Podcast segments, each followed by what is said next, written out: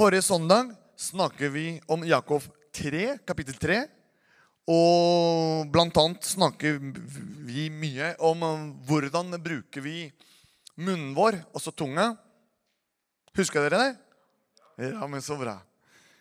Og grunnen jeg kommer litt tilbake til det, det, det, det er noe som mens man prater før møtet, plutselig man husker ting som har skjedd gjennom uka. Og hvordan vi har brukt munnen. Har gått bra med dere? Hvordan dere brukte munnen gjennom hele uka? Det er til ettertanken, vet du. Da begynner du å se litt som en film. Ok, mandag, hva sa jeg? Tirsdag. Og så for å si det sånn I går Hvor mange av dere så kampen? Norge-Skottland. Én. Da er jeg to. Tre med meg. Okay. Da er det greit. Nå er det litt utfordrende for oss tre gutta. Men hva sa dere når Norge tapte? Ikke sant? Da tenker jeg hva kom ut av munnen vår? Og det inkluderer meg selv. Det er sånn Er det mulig? Og så begynner og prøver å skille hvem som har skylda på dette her. Og det er bare en eksempel. Altså, hvor fort kan gå tunga vårt når det skjer noe negativt? Når, det skjer noe som vi ønsker ikke, da kommer fort naturen som ligger i oss. Og det er en kamp, også. Derfor Jakob var så opptatt av dette her. Og det er i hverdagen. Derfor trenger vi å høre sånne type budskaper og bli minnet på stadig hvordan vi skal håndtere spesielle situasjoner i livet vårt. Jeg snakker ikke om kampen, det er bare en liten eksempel. Men tenk du, hva er dagen din, og hva er dagen min? Hvordan kan det være? Og det andre ting som jeg også kommenterte, det var er det slik at det, når du leser kapittel 1, 2, 3, og så vi går inn i 4 og 5, og vi leser hvordan Jakob skriver til Jerusalems menighet altså, Han er pastor. Og jeg spør Tror dere Jakob kunne vært pastor i dag i en menighet i Norge? Tror du dere det? At han hadde klart seg med alt det han sier eller skriver. I hvert fall vi skal gå gjennom fire og fem nå. Det er bare å sitte seg fast. Ja, ikke sant? Det er det vi prøver her. Å klare å ta imot det egentlig Jakob skriver, og undervise til deg og meg. For det er ikke lett, folkens. Men ved Guds hjelp og Den hellige ånds kraft det er mulig. Kan jeg høre en liten amen? Ja. Da kan vi gå inn i kapittel fire. Det er litt tårer og, og, og, og, at vi leser både fire og fem. Er det greit? Ja. Det kan hende at det er første gang du leser to kapitler med en smell. Og det er bra. Det er en start. Hvis ikke, da bare å henge med. Kapittel fire. Hvor kommer krigene og stridighetene blant dere fra? Kommer ikke fra listene deres, som fører krig i lemmene deres? Dere begjærer og har ikke. Dere dreper og misunner og kan ikke få. Dere kjemper og kriger, likevel har dere ikke, fordi dere ikke ber. Dere ber og får ikke, fordi dere ber galt.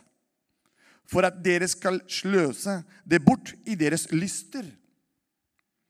Dere horkarer og horkvinner, vet dere ikke at vennskap med verden er fiendskap mot Gud? Hver den som vil være venn med verden, gjør seg selv til Guds fiende.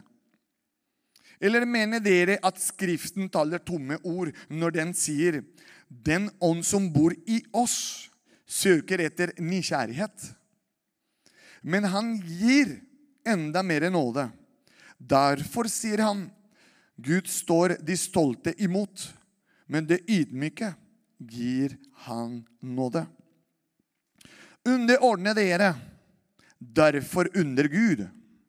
Stå djevelen imot, og han vil flykte fra dere. Hold dere nær Gud, så skal han holde seg nær til dere.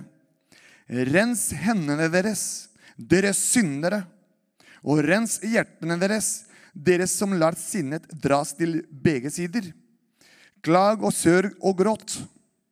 La deres latter bli vendt til sorg og deres glede til bedrøvelse. La dere ydmyke for Herren, og han skal opphøye dere. Tal ikke ondt om hverandre, brødre. Den som taler ondt om en bror og dømmer sin bror, taler ondt om loven og dømmer loven. Men hvis du dømmer loven, er du ikke lovens gjører, men dens dømmer. Det er en lovgiver. Det er han som har kraft til å frelse og til å føre i fortappelse. Hvem er da du som dømmer en annen? Og nå, dere som sier, i dag eller i morgen vil vi dra til den eller den byen og bli et år, kjøpe og selge og få fortjeneste der. Men dere vet ikke hva som skal skje i morgen. For hva er livet deres? Det er bare som en røyk som er synlig en liten stund, og så blir borte. I stedet skal dere si, om Herren vil, skal vi leve og gjøre det ene eller det andre. Men nå skryter dere i deres hovmod. Alt slikt skryt er ondt. Derfor, den som vet hva godt han skal gjøre, og ikke gjør det, for han er det synd. Kapittel 5. Og nå, dere rike, gråt og klag på grunn av alle de ulykkene som skal komme over dere. Rikdommen deres er forderver, og klesplagene deres er mølspist. Gullet og sølvet deres ruster bort, og rusten deres skal være et vitne mot dere og skal ete opp kjøttet deres som ild. Dere har samlet deres skatter i de siste dager. Se, lønnen til arbeiderne som har høstet åkrene deres, den lønnen dere har holdt tilbake ved bedrageri, roper rot. Og ropene fra høstarbeiderne har nådd Herren Sebaots ører. Dere har levd i nytelse og luksus på jorden. Dere har fettet hjertene deres som på slaktdagen, slaktedagen. Dere har dømt, dere har drept den rettferdige. Han kan ikke stå seg imot dere. Vær derfor tålmodige, brødre, helt til Herrens gjenkomst. Se hvordan bonden venter på jordens dyrebare grøde. Han venter tålmodig på den til den får tidliggrein, tidliggrein og sein regn. Vær også dere tålmodige. Styrk hjertene deres, for Herren gjenkomst er nær. Klag ikke på hverandre, brødre, så dere ikke skal bli fordømt. Se, dømmeren står for døren. Mine brødre, ta profetene, de som talte i Herrens navn, som forbilde på lidelse og tålmodighet. Se, den som holder ut, priser vi særlige. Dere har hørt om Jobbs utholdenhet og sett avslutningen som Herren ga. For Herren er overveldende rik med, på medlidenhet og varmhjertighet. Men framfor alt, mine brødre, sverg ikke, verken ved himmelen eller ved jorden. Heller ikke skal dere sverge ved noen annet. Men la deres ja være ja, og deres nei være nei, for at dere ikke skal falle under dommen. Er det noen som lider blant dere? Han skal be. er det noe ved godt mot. Han skal synge salver. Er noen syke blant dere, han skal tilkalle menighetens eldste, og de skal be over ham og salve ham med olje i Herrens navn. Og troens bønn skal helbrede den syke, og Herren skal reise ham opp. Og hvis han har gjort synder, skal han bli tilgitt. Bekjent overtredelsene for hverandre og be for hverandre, så dere kan bli helbredet. Er rettferdig, et rettferdig menneske bønn virker med stor kraft. Elia var et menneske under samme kår som vi. Og han, la, og han ba inderlig om at det ikke skulle regne. Og det regnet ikke på jorden i tre år og seks måneder. Og han ba på ny, og himmelen ga regn, og jorden ga sin grøde. Brødre, hvis noen blant dere har fart vill fra sannheten, og noen omvender ham, så skal han vite at den som omvender en synder fra hans hvilefallelsesvei, han frelser en sjel fra døden og dekker over en mengde synder. Amen. Henger dere med i hva Jakob på slutten av sitt brev skriver?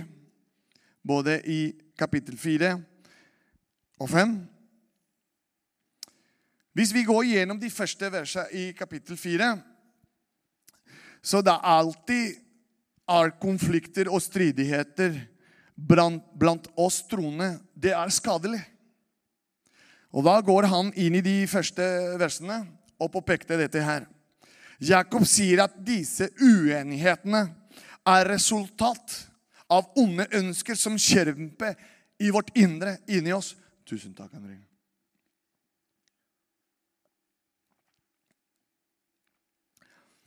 Ja, hvorfor det? Jakob påpekte dette både i den tida i Jerusalems menighet, og minner de om dette her? At uenigheten er en resultat. At onde ønsker som kjemper i vårt indre, i ditt og mitt indre. Vi ønsker mer eiendeler, mer penger, høy sosial status, mer anerkjennelse, litt mer oppmerksomhet hele tiden. Og det er noe som kanskje det, du kjenner ikke deg igjen. Men dypt i vårt hjerte det er andre elementer, andre områder, som viser seg Du sier ikke det bokstavelig, men kanskje med tankene dine, kanskje med handlingene dine. Du viser det underveis i livet ditt. Men det skjer så fort at man merker ikke det. Når vi insisterer på å tilfredsstille disse ønskene, kjemper vi for å oppnå det. I stedet for å gripe med vold det vi lengter etter, må vi underordne oss Gud. Det er det han sier i vers 7. Når vi går fra det vi ønsker og det vi lengter etter, og vi glemmer egentlig hva er Guds vilje i ditt og mitt liv Det går galt. Vi kommer til å møte veggen. Men når i stedet går vi i vers 7, som Jakob sier, underordne dere Gud i Gud. Underordne dere derfor under Gud. Det blir annerledes holdning. For i dag kommer disse prinsippene som Jakob fra kapittel 1 viser oss hele veien. Selv om det kan høres radikalt, men det er det vi trenger. Som rister litt inne tankene dine og tankene mine. Hva er Guds vilje? Det er det storspørsmål til alle oss troende. Hva er Guds vilje i mitt liv? Jakob nevner de vanligste problemene med bønn. Å ikke be, å be om feil ting, og å be om feil grunner. Snakker du eller jeg med Gud? Når du, når du gjør det, når vi gjør det, folkens, hva snakker vi med Han? Tenk litt om det. Reflektere litt om, om det. Ber du bare for at Gud skal tilfredsstille dine ønsker? Leter du etter Guds godkjenning for at det du allerede har planlagt å gjøre? Det gjør vi noen ganger. Jeg sier ikke at dette gjør vi hele tiden. Nei. Men det gjør du og jeg noen ganger. Det er så mye vårt ønske at vi prøver å dra Gud i vårt vilje, men det, det virker ikke sånn. Han er en far som elsker deg og meg. Og når vi ber til ham, han gir ikke det vi ønsker, han gir det vi trenger. Det er en stor forskjell.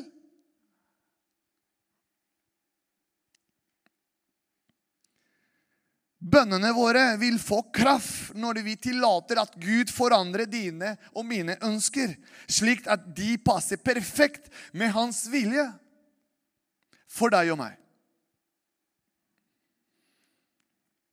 Vers 3 og 4. Det er ingenting galt med å ønske seg et behagelig liv. Det er ikke noe med det å gjøre. Gud gir deg meg og, deg og meg gode gaver for at vi skal glede oss over dem. Men å være venner med verden Han går inn i den dynamikken. Men å være venner med verden innebærer å søke nytelse på bekostning av andre eller på bekostning av å adlyde Gud. Nytelsen som hindrer oss i å glede Gud, er synd. Nytelsen som kommer fra Guds overfoldige generøsitet, er god og godt. Løsning mot onde ønsker er ydmykhet under Gud. Ikke den ydmykhet som vi prøver å vise at vi er ydmyke. Når vi ber om dette Gud, hjelp meg å være en person etter din vilje.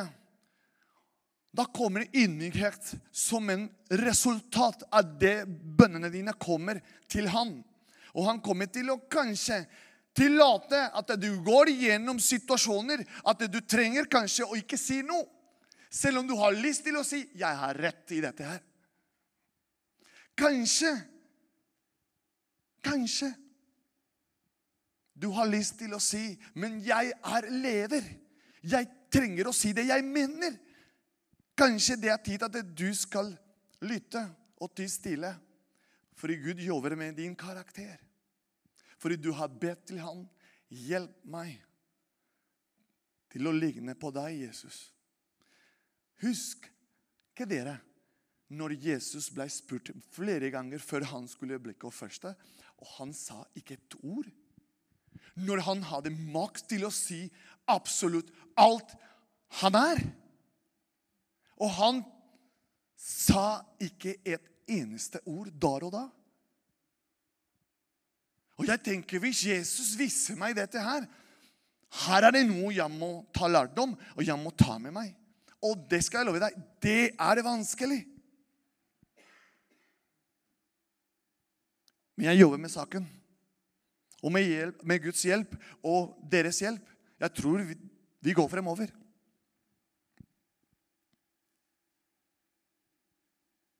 Stolthet gjør oss egoistiske og får oss til å tro at vi har rett til alt vi kan se, røre eller forestille oss. Den skaper grådige lyster etter å få mer enn det vi trenger. Vi kan bli frigjort fra våre egoistiske ønsker ved å ydmyke oss for Gud. Det er det eneste måte.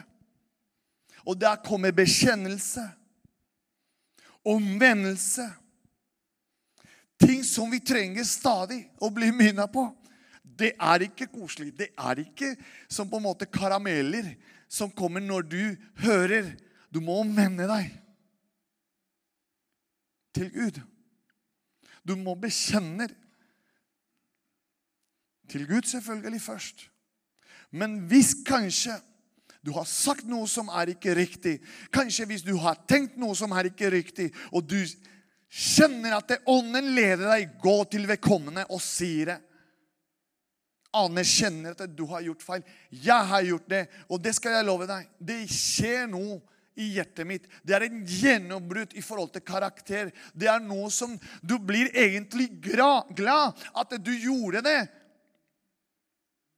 Og du må ikke bry deg om hva de andre sier, eller de andre personen tenker eller føler eller jeg vet ikke, sier.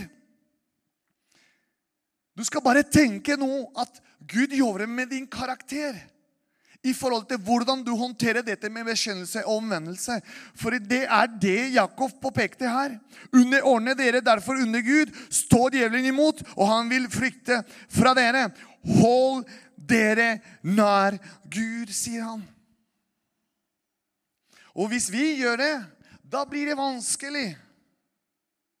Når vi bekjenner, når vi omvender oss til Han, da blir det vanskelig å falle på disse vanlige ting. Fordi vi begynner å skjønne det nærvær, det, det at Gud er nær i hver situasjon. Vi må være både realistisk, men vi må vandre i tro. Er dere med? Vi kan ikke unngå eller si 'nei, det skjer ikke'.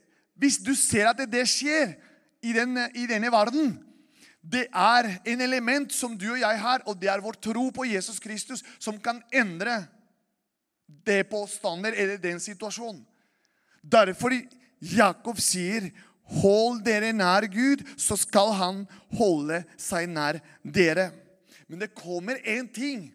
Hva er som trenges eller skal til for dette her? Rens hendene deres, dere syndere. Tenk, du! Vi trenger å rense hjertet vårt. Husker dere vi snakket om det forrige søndag?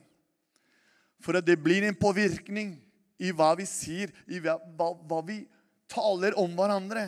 Når vi renser hjertet vårt, det blir en frukt i det som kommer. Og når vi fyller Guds ord i ditt og mitt hjerte, det blir en frukt av det man sier og tenker.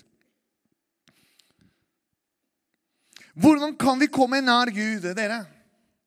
Som uh, Magne nevnte til innledning. Jakob gir oss fem måter, hvis vi leser de versene. Underkast dere Gud. Bøy dere for hans autoritet og hvile. Er du hvile til det? Det er ikke bøy dere for pastoren deres eller lederskapet deres eller menigheten deres. Nei, bøy dere for hans autoritet. Hans, hans Jesus Kristus' autoritet. Guds autoritet. Den hellige ånds autoritet og vilje. Og vi gir livet ditt og mitt til ham og hans kontroll. Og være villige til å følge ham. Etterfølgelse. Nummer to stå imot djevelen. La ikke djevelen forføre og friste denne. Det er det han prøver stadig. Hele tiden. Rens hendene deres. Nummer tre. Rens hjertene deres. Det, hva, vil, hva vil si med det? Det vil si lev et rent liv. Rens dere fra synden. Bytt ut ønskene om å synde med ønsket om å erfare Guds renhet.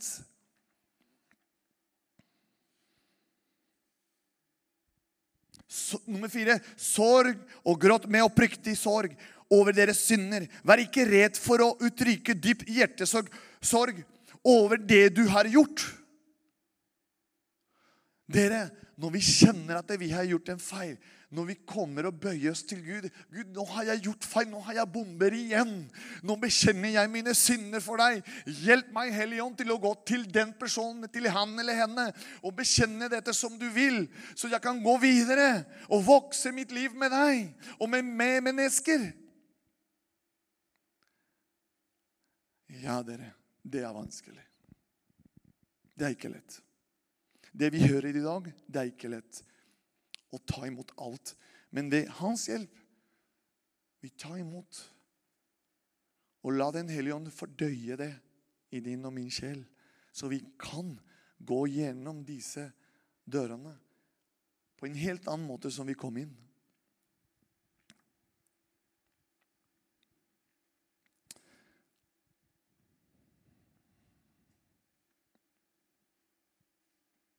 Det er noen punkter til. Men hvis man går videre I kapittel 5, dere vers 1-6. Jakob erklærer verdien av rikdommer som tomme. Ikke verdien av de rike som tomme, men pengene vi har i dag, vil ikke ha verdi når Kristus kommer tilbake. Er dere enig? Det er ikke noe valuta. Det er ikke noe renter.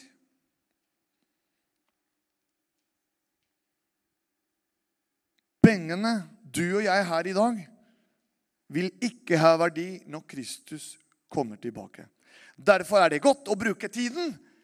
Noe som er det i dag det største fiendet for alle oss. Tiden, det er én verktøy på godt og vondt som fiender kan bruke for å ødelegge, hindre, stoppe, murder, stjele, drepe troen din og min. Men samtidig tiden er en mulighet du og jeg har til å bruke for å være nær til Gud. Være nær med hverandre i fellesskap. Stå sammen i bønn. Søke Han sammen. Eller i private, på det private. Tiden, der. Er det godt å bruke tiden vår på å samle skatter som vil være verdifulle i Guds evige rike. Penger i seg selv er ikke problemet. Forstå meg godt. Ledere i menighetene trenger penger for å leve og støte familiene sine. Misjonærer trenger penger for å spre evangeliet, også hjelpe familiene sine. Kirker, menighetene, trenger penger for å utføre oppgavene sine effektivt. Som dere har hørt i starten av møtet. Ungdompastor. Vi har fått en flott dame, Karina Myhren, som er villig til å tjene her. Til å stå skulder til skulder med ungdommene våre. En ting som kanskje du har ikke fått med deg, eller kanskje du har hørt, men du har ikke forstått alvor, er at det, vi er det eneste menighet i Vamble som driver ungdomsarbeidere. Kanskje det er andre steder. Men en solid ungdomsarbeid Hva vil jeg si med solid? Som samles fredag etter fredag. Det er menigheten vår, Betania. Og da har vi en dame som har sagt Ja, jeg er villig. Jeg sier to ting i forhold til det, og så går jeg videre. Husk henne i bønn. Men samtidig handle det i det Gud har sagt til deg i forhold til ungdommene i dette stedet. Og Den hellige ånd skal hjelpe deg. Det er kjærligheten til penger som fører til ondskap. Det er det Jakob går inn i. Og fører til at noen undertrykker andre for å få mer. Dette er en advarsel til alle kristne som fristes til å vedta varslige normer i stedet for Guds prinsipper. Romerne 12, 1, 2. Jon, kan vi få den på skjermen? Les litt av grann hva Paulus skriver om dette her. I de første to versene i kapittel 12. Får jeg den der? Sånn, ja. Derfor formanner jeg dere ved Guds barmhjertighet, søsken, bær kroppen fram som et levende og hellig offer til glede for Gud. Det skal være deres åndelige gudstjeneste. Vers 2. Innrett dere ikke etter den nåværende verden, noe som Jakobs nevner allerede. Men la dere forvandle ved at sinnet fornyes, så dere kan dømme om hva som er Guds vilje, det gode, det som er til glede for Gud, det fullkomne. Det er en oppmuntre til alle oss. Og Jesus sier mye om dette om penger i Matteus kapittel 6. Dere kan lese det hjemme. Det skal være deres åndelige gudstjeneste. Bær kroppen fram som en levende og hellig offer til glede for Gud. Hm. Det kan være dette her, i vers 6. Det er sannsynlig at den rettferdige som Jakob refererer, eller nevner, er en fattig arbeider. De som ikke kunne betale gjeldene sine, ble kastet i fengsel eller tvunget til å selge alt de eide. Og noen ganger til og med selge familiemedlemmer som slaver. Uten mulighet til å jobbe for å betale gjelden sin døde de fattige ofte av sult. Gud kalte det for mor.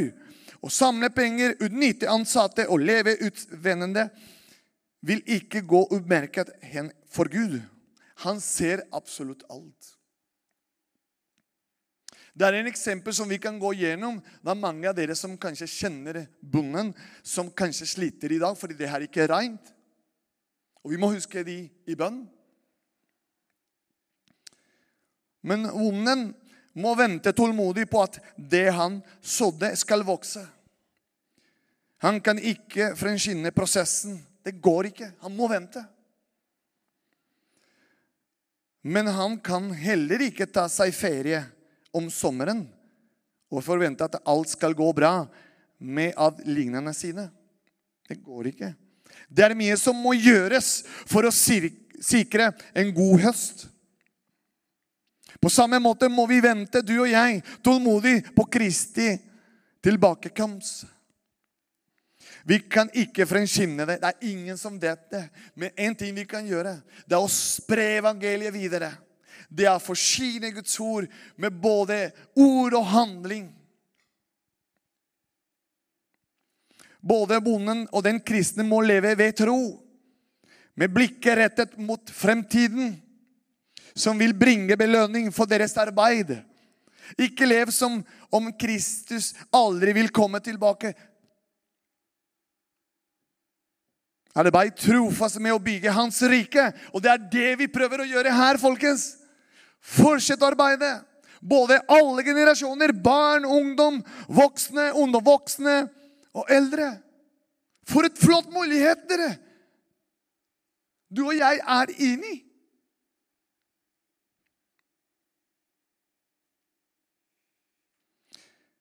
Når ting går galt, har vi tendens til å skylde på andre for vår ulykke. I går skjedde det. Norge tapte. Og da begynner de å komme med hvem som har skylda. Det er en tendens i vår natur. Det er vanskelig å si 'Jeg har gjort feil'. Beklager. Og så går vi videre. Det kan hende at jeg har sagt noe som norsk grammatikk er feil. Jeg sier 'sorry'. Jeg prøver. Og mange av dere er utrolig flinke til å komme bort til meg, enten på kontoret eller etter møtet. Men jeg kan nevne én. Randi, du er utrolig flink. Selv om du syns det er litt sånn uh, rart eller uh, ubehagelig å komme med en Fernando. Men du gjør det. Og det hjelper meg til å utvikle meg i min norsk.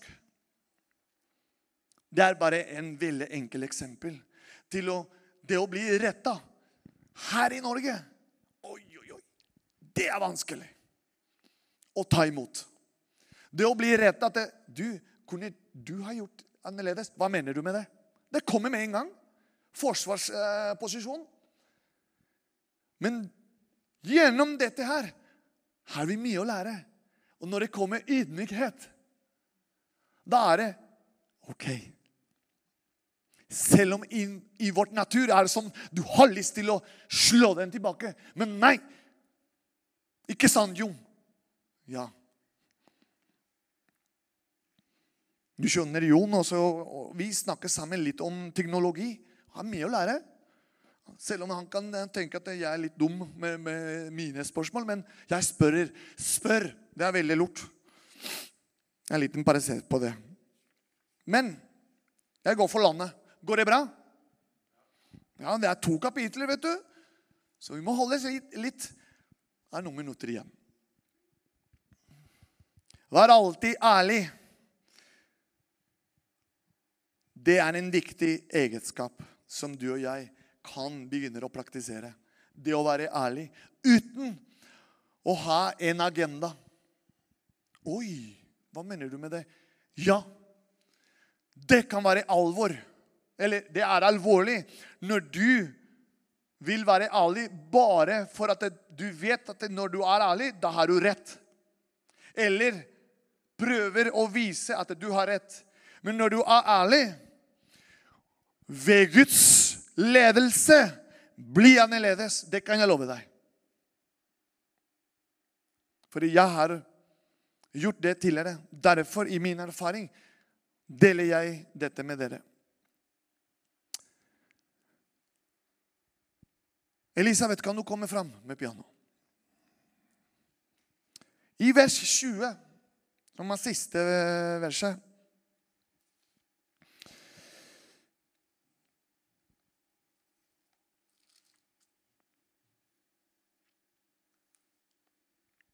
Men hvis jeg går litt tilbake Bekjent for hverandre. Be for hverandre. Her kommer et interessant poeng, og det er Elia. Elia var et menneske under samme kår som deg og meg. I vers 17. Han, og han var inderlig. Hva betyr inderlig? Du skjønner norsk. Det er intens. Om at det ikke skulle regne. Og det regner ikke. Elia var et menneske under samme kår som du og jeg. Jakob her understreker troen i handling. Riktig måte å leve på er beviset og resultatet av troen. Kirken skal tjene med med følelse. Betania skal tjene med med, føl med følelse. Tale med kjærlighet. Oppriktig. Og leve i lydighet mot Guds prinsipper og rammer. Og elske de neste som deg selv. Det er de rammene som jeg ser for meg. Vi er allerede inni der. I den retning. Jeg ser det. Jeg ser det, dere. Selv om du ser ikke så mange her. Men jeg ser at det, Gud jobber med vårs. Man kan ikke måle hva Gud driver med med kvantiteten på forsamlinger. Det skal jeg love deg. Husk på det jeg sa nå. Gud har en helt annen måte å se hjertene og se hvordan han jobber med hver enkelt individ i dette stedet, enn det du og jeg har. Trosfellesskapet skal være en eksempel på himmelen på jorden og føre mennesket til Kristus gjennom kjærlighet til Gud og kjærlighet til hverandre. Hvis vi virkelig tror på Guds ord, vil vi leve det hver dag. Guds ord er ikke bare noe vi leser eller tenker på, men noe vi gjør. Alt vi tror, vår tro, vår tillit, må få bein å gå på. Dine og mine bein. Jakob brev bygde på Jesu lære. Og med det jeg har lyst til å be sammen med dere. Og Emilie og Rachel kan komme også hit og gjøre seg klar. For vi skal også prise Gud. Men dere kan reise dere opp, og der hvor dere er Vi takker Gud for denne kvelden. Du skjønner, Når man ber stadig for menigheten sin, for medlemmer, for møtebesøk, for disse ting som skjer underveis gjennom uka Så jeg tenker Kanskje noen kommer, kanskje noen kommer ikke. Det er ikke mitt problem. Men mitt fokus er jeg er her, og de er her. Da kan vi be sammen. Og når Den hellige ånd begynner å gjøre sitt verk i deg og meg, det blir annerledes i hverdagen vår.